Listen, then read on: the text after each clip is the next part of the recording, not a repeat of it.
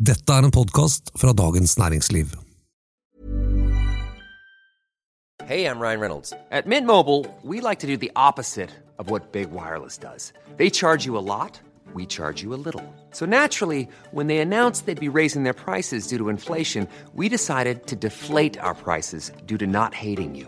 That's right. We're cutting the price of Mint Unlimited from $30 a month to just $15 a month. Give it a try at mintmobile.com slash switch. $45 upfront for three months plus taxes and fees. Promo rate for new customers for limited time. Unlimited more than 40 gigabytes per month. Slows. Full terms at mintmobile.com.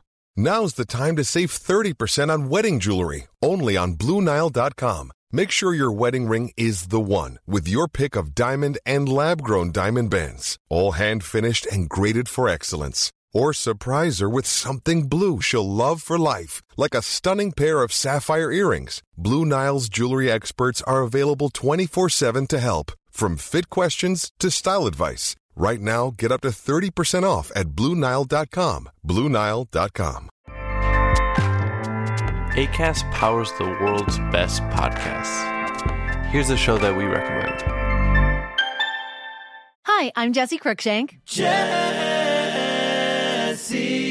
Cruikshank. I host the number one comedy podcast called Phone a Friend. Girl, let's phone a friend. Not only do I break down the biggest stories in pop culture with guests like Dan Levy and members of InSync, I do it with my own personal boy band singing jingles throughout. Because it's my show. It's your show, girl. New episodes of Phone a Friend Yeah. drop Thursdays wherever you get your podcasts. So work it, girl. Yeah, work it. Okay, that's enough. ACAST helps creators launch, grow, and monetize their podcasts everywhere. ACAST.com. Jonas Gahr Støre åpner for to nestledere i Arbeiderpartiet. Og Høyre åpner for en ren Høyre-Frp-regjering. Dette er den politiske situasjonen. En podkast om politikk fra Dagens Næringsliv med politisk redaktør Fridtjof Jacobsen og meg, kommentator Eva Grinde.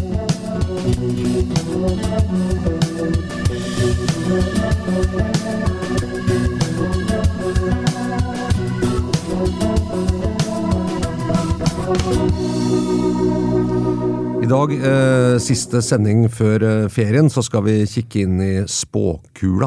Det er jo en høyrisikosport, det vet vi, men eh, altså basert på den nåværende politiske situasjonen, så skal vi si noe om morgendagens politiske situasjon. Ja, det er vakkert. Det er vakkert. Vi, vi har eh, fått med oss eh, to sånne halvtårlige oppsummerende pressekonferanser fra henholdsvis Jonas Gahr Støre og Erna Solberg. Eh, de to frontrønnerne, får vi vel si, i norsk eh, politikk. Yep. Eh, og de snakket jo selvfølgelig om mye. Eh, jeg var hos Støre, og det, da var det jo det var prat om krigen i Ukraina, det var prat om rente, det var pra- prat om liksom usikre økonomiske tider, det var prat om eh, Kristiansand og kommunekaos og sånne ting. Eh, som forventet, vil jeg si. Men det var én ting han sa der på et direkte spørsmål fra Jeg husker ikke hvem som spurte om det var det Fri fagbevegelse, eh, et eller annet. Men som Jeg fall- tror det var Hege Ulstein i Dagsavisen. Det Det har jeg hørt rykter om, Ja. enda jeg ikke var der. som sa hvordan han stilte seg til det om Arbeiderpartiet skulle ha én eller to nestledere. Et spørsmål som eh, kommer opp da på landsmøtet i Arbeiderpartiet til neste år. Mm. Rundt eh, etter påske en gang, tenker jeg det landsmøtet er, hvis jeg husker riktig. I den vårsesongen, i hvert fall.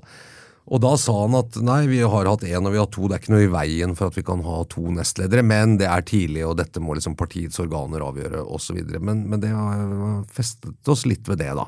Ja, altså det er jo riktig som han sier at de har hatt både én og to, og, og da Hadia Tajik gikk av, så var han også ganske klar på å understreke at det er ikke sikkert vi skal ha to. Eh, Men han sa jo også heller ikke at eh, vi bare skal ha én fremover. Altså etter Det som var klart hele veien, var at man skulle vente til møtet 2023, ikke sant, med å velge. Uh, Men eh, men du oppfattet vel dette som litt mer sånn signal om at det er mer sannsynlig med to enn med én, eller? Jeg, jeg synes han ga uttrykk for at han var helt åpen for A2. Altså han, han eh, ga ikke et svar som var på den måten at uh, dette har ikke noe mening om, dette får bare partiets organer avgjøre. Han ga jo vel uttrykk for at han selv syntes det ville være uproblematisk med to nestledere. Dette er litt interessant. Det er som du sier, Arbeiderpartiet har i uh, liksom, normalen, uh, så vidt jeg husker i hvert fall, fra liksom, de siste tiårene, har vært en partileder, en nestleder og en partisekretær. Det er liksom det som blir valgt. En ledertrio. Eh, og så har man til tider noen ganger hatt to nestledere. Og da Jonas Gahr Støre ble valgt inn som leder av Arbeiderpartiet i 2014, eh, så gikk man eh, til to nestledere, Trond Giske og Hadia Tajik. Nå er jo både Giske og Tajik borte, og da Giske gikk av som nestleder, så, så kom jo Bjørnar Skjæran inn og fylte den plassen. Men, men det var vel ikke noen tvil om at at eh, Hadia Tajik ble vel oppfattet som den reelle nestlederen i Arbeiderpartiet eh, da hun og Skjæran satt der. At hun var på en måte på et litt annet nestledernivå og hadde også en annen som formell posisjon. Hun var med på Hurdal blant annet og forhandlet da de bare var to fra hvert parti osv. Ja, og Skjæran har vel aldri blitt, eh, blitt eh, pekt på som en ny mm, leder av Arbeiderpartiet. Altså, det er jo det som også ligger her, selvfølgelig. Ikke sant? Det som er veldig interessant med hvem som er nestleder, er jo i hvilken grad de ligger an til å bli ny leder. Eh, ikke sant? Og Skjæran har vel har, har aldri vært Det er ingen som forventer at han er et lederemne for Arbeiderpartiet. Det går både på, på han som person og politiker, men også på alder og ja. Ja, og jeg, det er også litt usikkert for meg om hvis det skulle være sånn det er sånn spørsmål, hvis, hvis Jonas Gahr Støre hadde fått en murstein i hodet ikke sant, i morgen, hvem hadde da tatt over eh, som leder av Arbeiderpartiet og, og statsminister? Og statsminister. Ja, hadde det vært kunne Skjæran som automatisk kanskje. hadde rykket opp, da, men la oss si som leder av Arbeiderpartiet, det tror vel ikke så mange at det, det, det var, da ville blitt en annen. Og dette er jo litt som da, da Støre ble valgt, så var jo heller ikke han nestleder. Eh, men det var jo helt, han var jo en naturlig liksom, arvtaker. Han var jo på en måte nummer to, eh, selv om han, det var formelt var, var vel Helga Pedersen som var nestleder den gangen. Mm. Men kunne man ikke se for seg Skjæran rykke opp som sånn interim leder av partiet, mens en annen eh, tok over statsministerrollen, eller er det Det, det er jo, jeg tror ikke det er noe sånn veldig Jeg tror egentlig ikke det er så naturlig, eh, egentlig. Ettersom de sitter i regjering, så, så Ja, hvem ville vært da? Ja, hvem tror du? Eh, nei, altså den som er formelt nummer to. Hva skjer nå da, hvis eh, la oss si ja, Støre går ned med har covid eller et eller annet sånt? Hvem er det som vikarierer? Rykker opp? Ja, hvis han, blir, hvis han liksom blir satt ut av spill, da, på en måte. Ja. Ikke sant? Jeg, jeg tror du kan være statsminister selv om du har covid og partileder. men Ja, satt ja. ut av spill, da. Ja, mm. Jeg sa har covid. Jo, jeg vil jo tro eh, Det er jo et hypotesespørsmål, men jeg vil jo tro at det da er Anniken Huitfeldt som vil være den som pekes ut til å være liksom rykke opp og ta den posisjonen. Eh, og det er jo det vi liksom snakker oss litt inn på her nå, ikke sant. Det er at eh, eh, vi, hvis, hvis Anniken Huitfeldt skal bli nestleder i Arbeiderpartiet eh, på landsmøtet til neste år, så må de ha to nestledere. Eh, ellers, så, ellers, så er ellers så må Skjæran gå av, eh, og hun kan selvfølgelig gå inn på hans plass. Da har de partisekretær Kjersti Stenseng, Anniken Huitfeldt og Jonas Gahr Støre. Da har de jo en, en sånn kjønnsbalanse to igjen. Men hvis Skjæran skal beholdes, så må de opprette en nestlederplass til, og da vil de liksom ha to kvinner og to menn. Så er det en grei balanse. Eh, Så man må liksom gjøre det samme movet som man gjorde da, da Støre tok over og man fikk inn Hadia Tajik og Trond Giske og kjøre med to nestledere. Eh, og dette er jo, er jo interessant, fordi en, Anniken Huitfeldt som en mulig nestleder i Arbeiderpartiet, da, da snakker vi nok om en mulig arvtaker også som partileder. Men eh, ja. Hva er grunnen til at eh, du tenker at hun eh, peiler seg inn på en sånn rolle?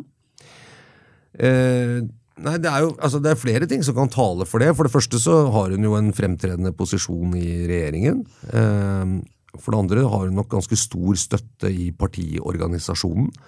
Hun har mange, mange støttespillere i partiorganisasjonen, et bredt liksom, kontaktnettverk, eh, og kommer jo også fra et veldig stort eh, fylkeslag, Akershus.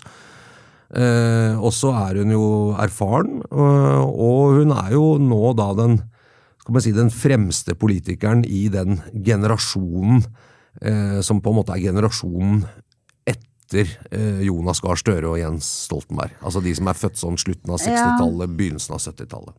Ja, eh, ja, det var det jeg tenkte på, for at jeg ser jo henne egentlig nesten som samme generasjon. Hun er jo ikke, hun er ti år yngre. Ja, så det er en, halv, en halv, halvgenerasjon. For det man også kunne tenke var, er det, eh, det Hadde det vært like spennende å få opp en fra neste generasjon, ikke sant? Altså vi har for det som, de navnene som kom opp da Hadia Tajik gikk av.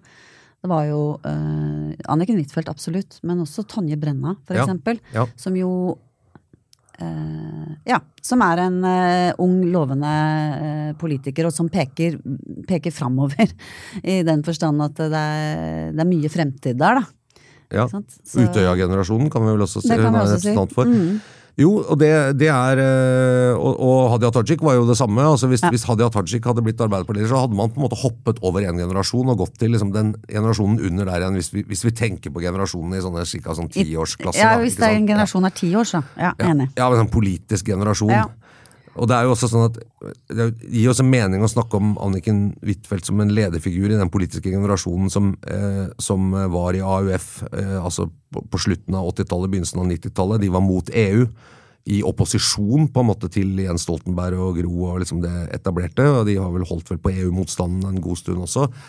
Og har også noen ganger sagt at de utgjør en slags venstreside, venstreopposisjon i partiet. Og som lenge, så lenge Trond Giske var aktiv, var vel oppfattet at liksom Giske var lederfiguren Ja. i den generasjonen, men at Huitfeldt nå har tatt over den rollen, på en måte. Ja, for det er det derre eh, evige tilbakevendende temaet, ikke sant. I hvilken grad Arbeiderpartiet er eh, fortsatt på en eller annen måte preget av en splittelse der eh, Giske eller ar- arvtakerne etter Giske fortsatt utgjør en politisk fløy. Der er jo Ja, ikke sant? Ja, ja, der, er jo, der er jo kommentatorer og analytikere uenige. Ja, jeg er enig i det. Eh, man skal kanskje ikke dra det for langt, men ja. Nei, jeg, jeg tror jeg tror kanskje For meg så gir det litt mer mening å se på det som en generasjon, mer enn en fløy, hvis du skjønner. At, at det, det er liksom litt mer en fløy. Altså, og Det kan godt hende det har, det har noen avvikende politiske standpunkter, eller noen forskjellige på en måte, interessegrupper som de er betjener godt. Eh, LO, forhold til LO, for eksempel.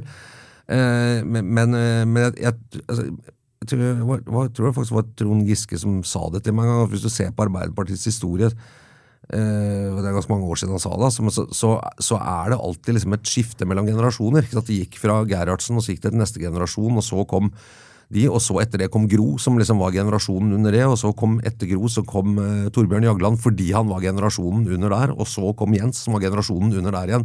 Og så på en måte, så når det var over fra Jens Stoltenberg, så, så ble man på en måte i samme generasjon ved å bruke Jonas Gahr Støre, og så var liksom, så det ut som man da hoppet over liksom hele Giskes generasjon og rett ned på Hadia Tajik. da, Sånn som det så ut en stund. Men, men jeg, er ikke, jeg er ikke helt sikker på om det skjer. Men, eh, men det er jo spennende, i hvert fall. Jeg, jeg tror det var mange som merket seg det at han sa vi kan godt ha to nestledere. Det, det, det tror jeg var verdt å merke seg det lille han sa der.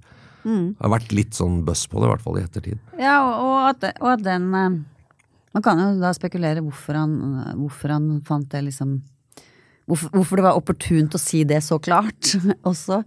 Men, eh, og, det, og, og ja, den nestlederstriden blir jo da også i forlengelsen spørsmål om, om ledelsen av det partiet videre. Så, Ja. Og ledelse i Arbeiderpartiet, vet vi, det er ofte spennende. Ja, ja, det kan være det. Ledelse og maktkamp. Og, og så er det jo også litt interessant hvordan denne liksom, måten å se det på uh, gjør at uh, Dagens Næringsliv har jo de, nå akkurat uh, Denne, hva tenker du på da? Nei, altså det med å se på liksom, At man ser på nestlederspørsmål, hvem skal opp, hvem skal bli nestleder. Er, er hvis Nå begynner vi å snakke om hvem som posisjonerer seg for å ta over partiet når Jonas Gahr Støre en gang går av. ikke sant? Ja, ja. Eh, dette har vi snakket om i Høyre eh, også, ikke sant? hvor de, de Høyre gjør det jo et hopp. liksom. Eh, Der har de jo kandidater. Ja, kan si Ine Eriksen Søreide er kanskje generasjonen mellom Erna Solberg og Tina Bru og Henrik Asheim. Så der også har du liksom en litt sånn generasjonsmiks. Men, men det gjør også at noen nyheter, f.eks. den som Dagens Næringsliv og våre kolleger på Politisk hadde denne uka, om at Anniken Huitfeldt istedenfor å møte visepresidenten i EU-kommisjonen, prioriterte å dra på sosial samling med Bodø Arbeiderparti en søndag kveld ja. At det kan jo tolkes som om at hun er ute og jobber med grunnplanen i partiet nettopp for å liksom eh, skaffe seg en base som hun kan velges på. Ja, ja. Ja. Istedenfor å møte en temmelig prominent eh, representant for EU i en sånn situasjon som vi er nå, som utenriksminister. Så det, man, det er Ja. jo eh, Man går jo an å stille spørsmål ved prioriteringen. ja. Eh, Det, det kan jo være et signal, i hvert fall. ikke Ja. sant? Og, og, og, og, og Huitfeldt er jo aktiv liksom rundt i eh, Arbeiderpartiet liksom i hele Norge. Mye på besøk, har mange kontakter. Kan liksom følge med på, på hennes Instagram-konto. og Hun har vært det lenge, så hun har liksom jobbet mye med, med liksom hele partiet rundt omkring. og og sånt, noe- som selvfølgelig er eh, både legitimt og riktig av en, av en politiker å gjøre, og også vil jeg si for en som også er utenriksminister. Det er, jo helt, det. Mm. det er jo helt legitimt å ville bli leder òg, men er går vel for å ha eh, en god porsjon lederambisjon, Ja, ja. tror jeg. I hvert fall av de som eh, mener at de vet noe om det. Så hvis vi skal spå, da, så, Ja, så, det si det vi jeg, så tror jeg liksom at dette med Huitfeldts eh, sånn kandidatur og det som formelt må skje ikke sant? Først er jo da at landsmøtet først vedtar at de skal ha to nestledere istedenfor bare én. Det, det tror jeg er nøkkelen. Og så er det da et valg, men det vil jo kanskje da være et slags sånn fait accompli. Eh, Men, men jeg tror dette spørsmålet er nok eh, mye interesse for det i Arbeiderpartiet. Hvor står det? Hvem er det som er rundt? Hvem Har noen begynt å sette opp liksom whiteboarden og se hvor mange stemmer er det vi har? Hvem, hvilke delegater? Og så videre. Og, og er det fløyer som kan tenke seg å gjøre motstand mot dette? Vil f.eks. folk rundt Skjæran si at nei, vi ønsker ikke en nestleder til? vi ønsker ikke sant? Der, der kan det bli en del eh, spennende ting. Da. Ja, ja, kanskje det. Skjæran- Har han så eh, aktive fanklubb rundt seg? Nei, jeg vet ikke. altså Bo- Bodø Arbeiderparti, da, hvor hun dro, det, dette er jo Skjærans hjemmebane. ikke Ja. sant? Han er fra Nordland, og, og, og det er kanskje ikke helt tilfeldig at hun liksom eh, valgte det, og prioriterte det. da. I saken som DN skrev, så viste at hun hadde jo rukket det hun skulle der formelt med noen nordiske kolleger dagen etterpå, selv om hun hadde dratt mandag morgen, men hun dro altså kvelden før for å være på dette arrangementet. Det, er verdt å merke seg. Men den, den praten går litt, da, tror jeg. Mm. Ja. Og jeg, jeg blir ikke overrasket om, om uh, Huitfeldt er nestleder i Arbeiderpartiet eh, Etter 2023? Nei, i, løpet av 2023. Og, og når det gjelder Tonje Brenna, som tror du har rett, og så blir jo omtalt, og og rett også, som, et, som en dyktig politiker. og og har jo vært en av de statsrådene som vel har gjort det rimelig bra. Eh, kommet godt ut av liksom medieoppmerksomhet osv. Men Hvis det fins fløyer, så er ikke hun en annen fløy enn Anniken Huitfeldt. nei, de er jo veldig tett knyttet sammen. De, de er jo begge fra Akershus. Sånn de, de og sånn. utfordrer jo kanskje ikke hverandre sånn sett. Nei, Ikke litt, på det, i hvert fall. Nei, Jeg har litt vondt for å se at. Tonje Brenna vil da liksom ta opp kampen Mm. mot på en måte en av hennes politiske mentorer. da, Mm. ikke sant? Eh, Anniken Huitfeldt, som hun har vært så nært knyttet til at hun sier at jeg vil liksom utfordre henne om dette. Men sånt har skjedd før. Altså, Ja, det har skjedd, Modermord og fadermord og Ja, men jeg syns det vil være litt overraskende. Jeg skjønner ikke helt, Ja. liksom, da, må hun jo, da må hun samle den støtten omtrent fra samme gjengen, da, eller gå til et helt annet miljø og få opp den støtten. så Ja. Jeg ser liksom ikke helt om det blir noen sånn kampvotering på det, men, eh, men det er jo en spådom, Det kunne sagt. vært eh, spennende. Ja. Den tredje som ble nevnt uh, hyppigst, var jo Ingvild Kjerkol Ja. uh, også, som uh, Men eh, i hvert fall en god del eh, mener at hun er for kontroversiell, da. At hun er for, for vanskelig Altså at hun ville få problemer med å samle nok støtte Mm, til sitt kandidatur. Men eh, Og hun gjør vel kanskje ikke en sånn super-duper jobb eh, i, i regjering heller. Nei, og hvis jeg husker riktig, så tror jeg Huitfeldt en gang også før har prøvd på et landsmøte å liksom få opp dem og to nestledere, når det, og det endte bare med én for å komme inn i den posisjonen selv, men at det ble nedstemt, da, men i en ganske sånn heftig sånn der Huitfeldt eller Kjerkol? Huitfeldt, ja. Ja, ja. ok, mm. Eh, som, hun har vært leder av AUF, sånn, og det var noe om at hvis de åpnet opp for en til, så måtte det være en, eh, en kvinne pga. kjønnsbalansen, at hun da var i posisjon. Men, Mm. at, men at, da ble liksom forslag om to nestledere nedstemt, og at det Mm. var en dramatikk på et av de landsmøtene. Jeg husker ikke helt hvilket landsmøte det var, men det kan vi jo Det er klart det kommer jo til å gå politikk i det som du sier, da, om hvorvidt man skal ha en eller to. ikke sant? Fordi at hvis man skal ha to, så ser man hvem som seiler opp, og dem vil man ikke ha, osv. Så, videre. så Så begge de to spørsmålene er jo høyst politiske, ja. Ja. Sant? For Blir man sittende med én, ikke Mm. Bjørnar Skjæran, så på en måte så er jo feltet åpent for liksom etterfølger uansett. For Mm. da har man liksom ikke pekt på en som er den naturlige etterfølgeren. Og, og selv om liksom Helga Pedersen ikke var i, i lederdiskusjonen sant, da, da Stoltenberg ga seg, så, så er det jo en ganske sånn eh, Og at Støre da heller ikke var nestleder før han ble det, så er, så er det jo det er jo tradisjonelt så skal det jo liksom nest, er nestleder en opprykksstilling, da. ikke sant? Og med Hadia Tajik så var det vel åpenbart det. Det tror jeg vi kan si. Det var i hvert fall mange som så for seg det. Så dette her kan bli litt spennende internt. Får vi se hvordan det virker inn i alle Arbeiderpartiets problemer ellers. Ja, det er det. Eh, Det er jo ikke akkurat eh, lystelig. I hvert fall ikke for eh, regjeringen. Eh, Det var vel hva var det, torsdag denne uka, så kom det jo en helt katastrofemåling. Ipsos på vegne av Dagbladet. Men det var aller verst for Senterpartiet, da, som var nede og begynte å lukte på sperregrensa. 4,7 ja. Ja. Eh, Da gikk Arbeiderpartiet litt opp, faktisk, men altså 1,5 eller noe sånt. Men fortsatt eh, en del under valgresultatet, da. Ja. Og så så vi både Høyre og Frp fortsetter sin eh, ferd oppover. Ja, ikke sant? Så det er jo ganske interessant. Det er interessant. Og det må vi snakke litt mer om, akkurat det der med Høyre og Frp. A lot can happen in the next three years. Like a chatbot may be your new best friend. But what won't change? Needing health insurance. United Healthcare Tri Term Medical Plans are available for these changing times. Underwritten by Golden Rule Insurance Company, they offer budget friendly, flexible coverage for people who are in between jobs or missed open enrollment. The plans last nearly three years in some states, with access to a nationwide network of doctors and hospitals. So, for whatever tomorrow brings, United Healthcare Tri Term Medical Plans may be for you. Learn more at uh1.com. It's that time of the year. Your vacation is coming up. You can already hear the beach waves, feel the warm breeze, relax, and think about work. You really, really want it all to work out while you're away. Monday.com gives you and the team that peace of mind. When all work is on one platform and everyone's in sync, things just flow wherever you are. Tap the banner to go to Monday.com. The best way to give someone a gift they'll never forget is to give a gift they'll always use. American Giant makes clothes that just keep getting better with age, like their iconic full zip hoodie that's designed to last for decades. And a gift they'll wear for years is a gift that keeps on giving. But American Giant makes a lot more than just hoodies. They have impossibly comfy sweaters, classic tees, soft structured sweatpants, even classic everyday denim. All made right here in the USA, with a quality you'll have to feel to believe. Be a gift giving giant this holiday season at American Giant.com and get 20% off your first order when you use code GratefulAG23. That's 20% off your first order at American Giant.com, promo code GratefulAG23.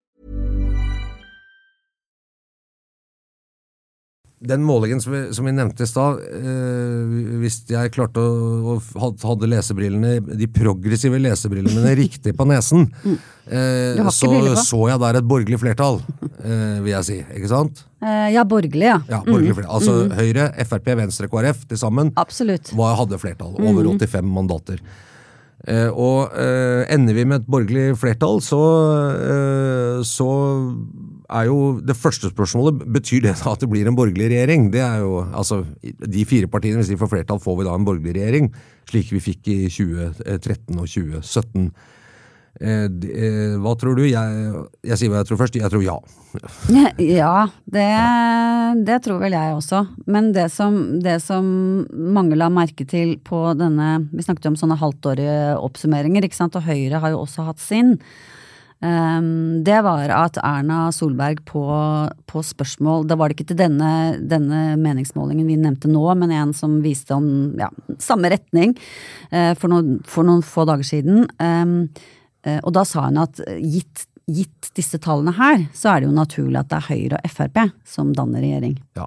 Og det var jo litt interessant at hun sa. For de var vesentlig mye sterkere enn Venstre og KrF, som lå liksom omtrent ned på sperregrensenivå. Ja, sant? altså KrF sliter jo, har jo slitt hele veien, og Venstre har ligget ganske jevnt og ser ut som de nå begynner å dabbe litt av igjen.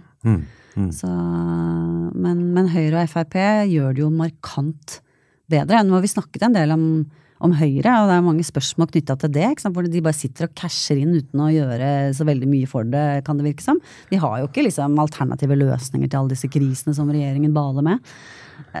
ikke sant? Sånn at det, det, er, det kan jo sikkert føles ganske så, så urettferdig, men, men så liksom sånn litt, eh, litt under radaren så har Fremskrittspartiet liksom krøpet seg oppover. Ja, eh, Fremskrittspartiet og Sylvi Listhaug har jo endelig liksom begynt å, tror jeg, for, dem i hvert fall begynt å få fotfeste på den på en måte, taktikken og strategien de har lagt opp til. Nemlig å være et veldig tydelig og krevende opposisjonsparti med liksom løsninger eh, på problemer som folk kjenner. Eh, det er dyr bensin og diesel. Senk avgiftene, ikke sant. Kutt på. Og, de, vel vitende om at regjeringen ikke gjør det, og, og de skjønner sikkert også hvorfor, så, så kan de liksom kjøre på det. Og der har jo liksom jeg, jeg tror det viktigste med den er å si at vi tar problemet på alvor, som du føler, og vi må også presentere en løsning. Men det er liksom, og, de, og, de, og dette begynner å sitte. altså det, Jeg tror liksom de økonomiske usikre tidene, litt sånn dyrtid og at folk begynner å tenke at de kanskje skal få dårligere råd osv., da, da, da, da sitter det liksom mye bedre for eh, Frp.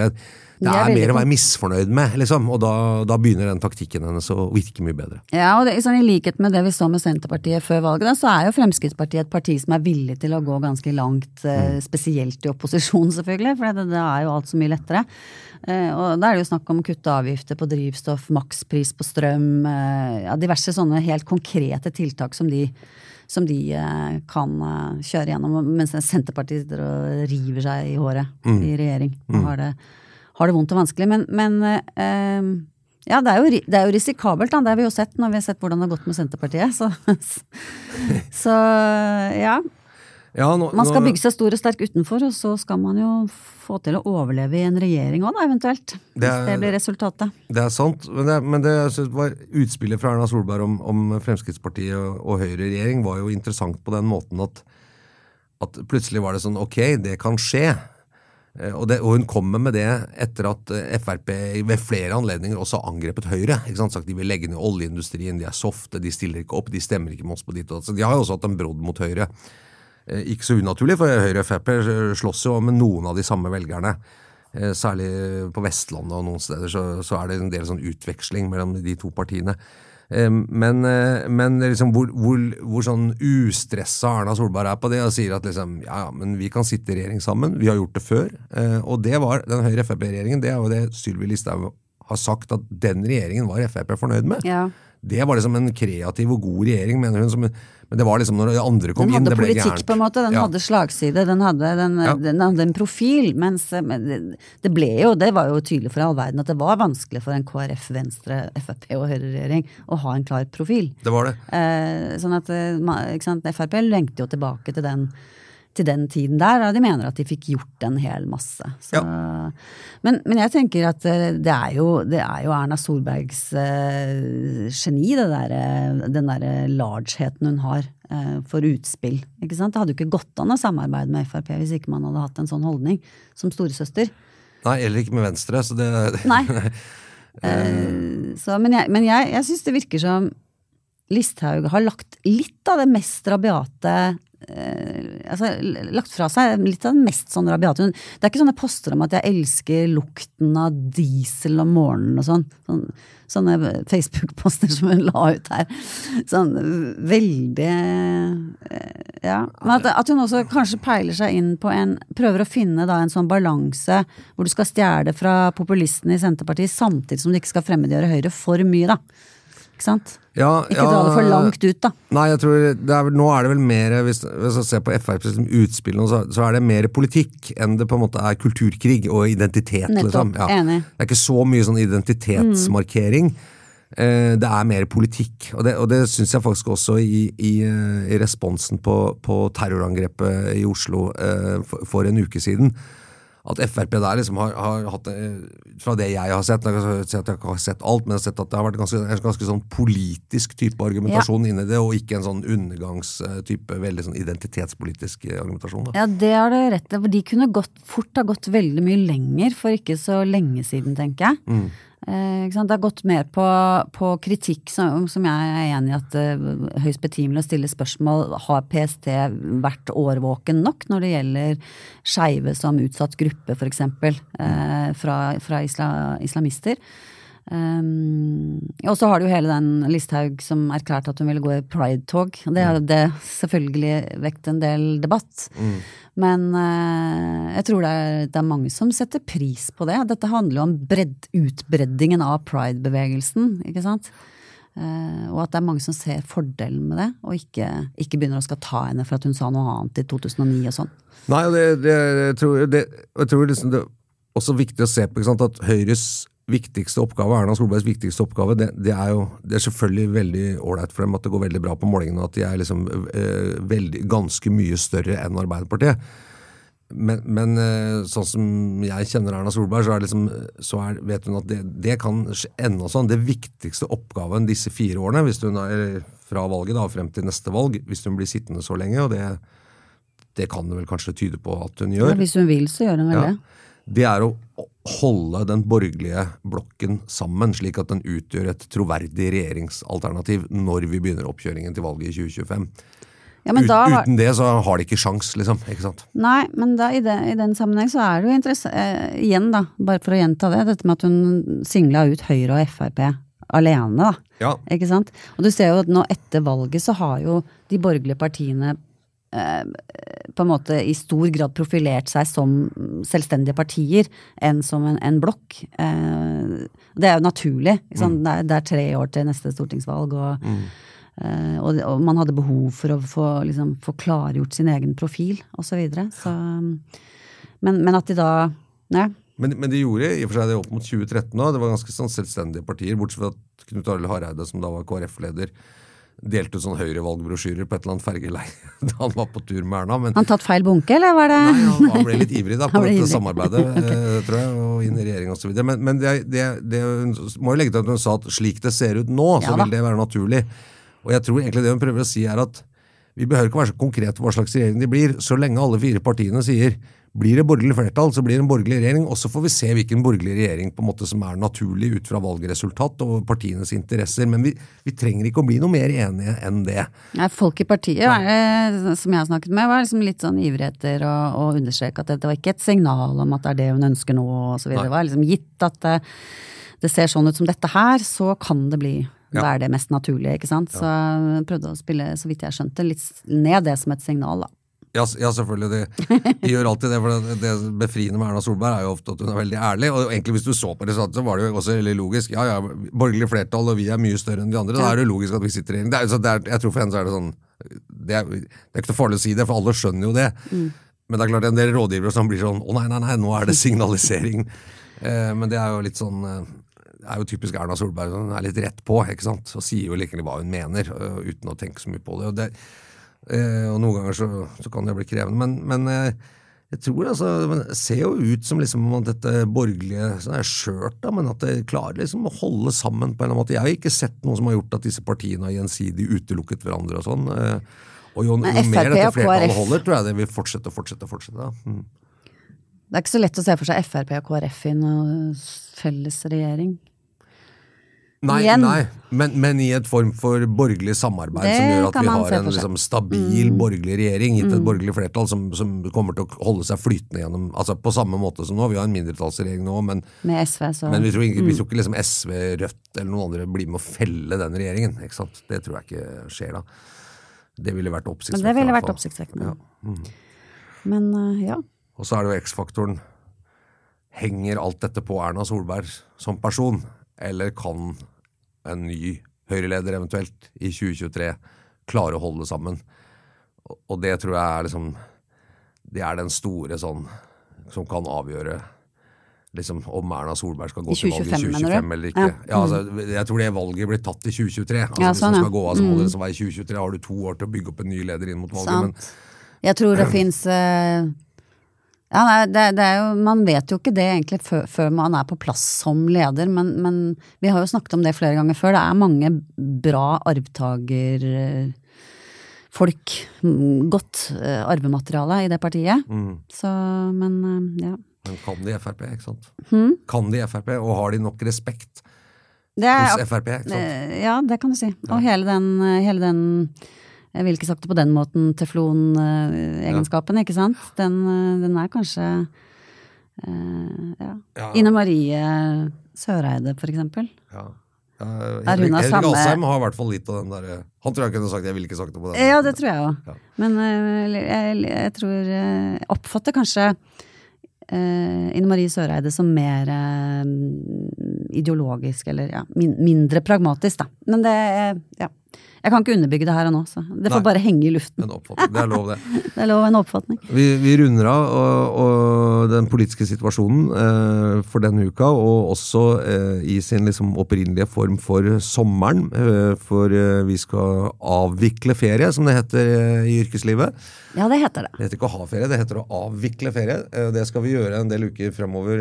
Litt både her og der, og delvis overlappende, delvis ikke overlappende, Eva. Men, men i den eh, perioden hvor vi ikke møtes i dette studio og lager den politiske situasjonen, så eh, kommer det allikevel til å være et tilbud at eh, man hver uke i denne kanalen da, legger ut en av eh, DNs eh, gode, lange og de beste featuresakene som vi har hatt på trykk, i en innlest versjon. Ja.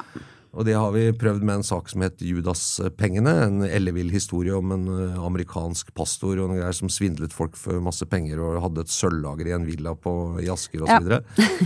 Eh, og så har vi funnet en del andre sånne historier som er innlest, og som vil bli lagt ut av hver uke. Eh, så det blir den politiske situasjonens sommerlektyre som du kan få rett inn i øret. da.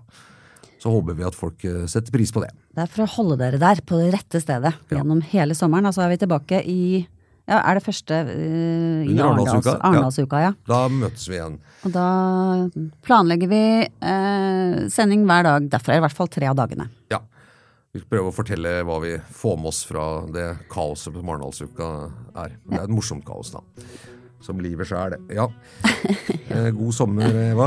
God sommer Ja, til god, alle. God sommer også til alle lyttere på den politiske situasjonen, og til våre teknikere Gunnar Bløndal og Oskar Bremer, som hjelper oss å få dette på lufta uke etter uke. Eh, Og så høres vi igjen på den andre sida. Takk for nå.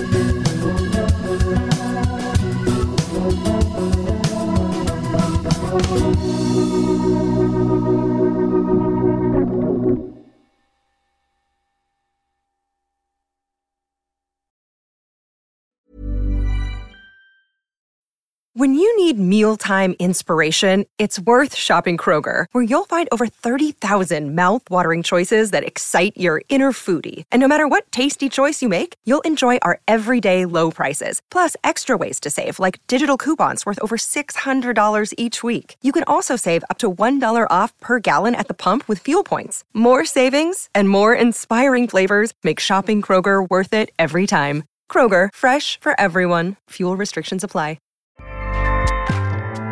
ACAST powers the world's best podcasts. Here's a show that we recommend. Hi, I'm Jesse Cruikshank. Jesse Cruikshank. I host the number one comedy podcast called Phone a Friend. Girl, let's phone a friend. Not only do I break down the biggest stories in pop culture with guests like Dan Levy and members of InSync, I do it with my own personal boy band singing jingles throughout. Because it's my show. It's your show, girl. New episodes of Phone a Friend Yeah. drop Thursdays wherever you get your podcasts. So work it, girl. Yeah, work it. Okay, that's enough. ACAST helps creators launch, grow, and monetize their podcasts everywhere. ACAST.com. Du har nå hørt en podkast fra Dagens Næringsliv.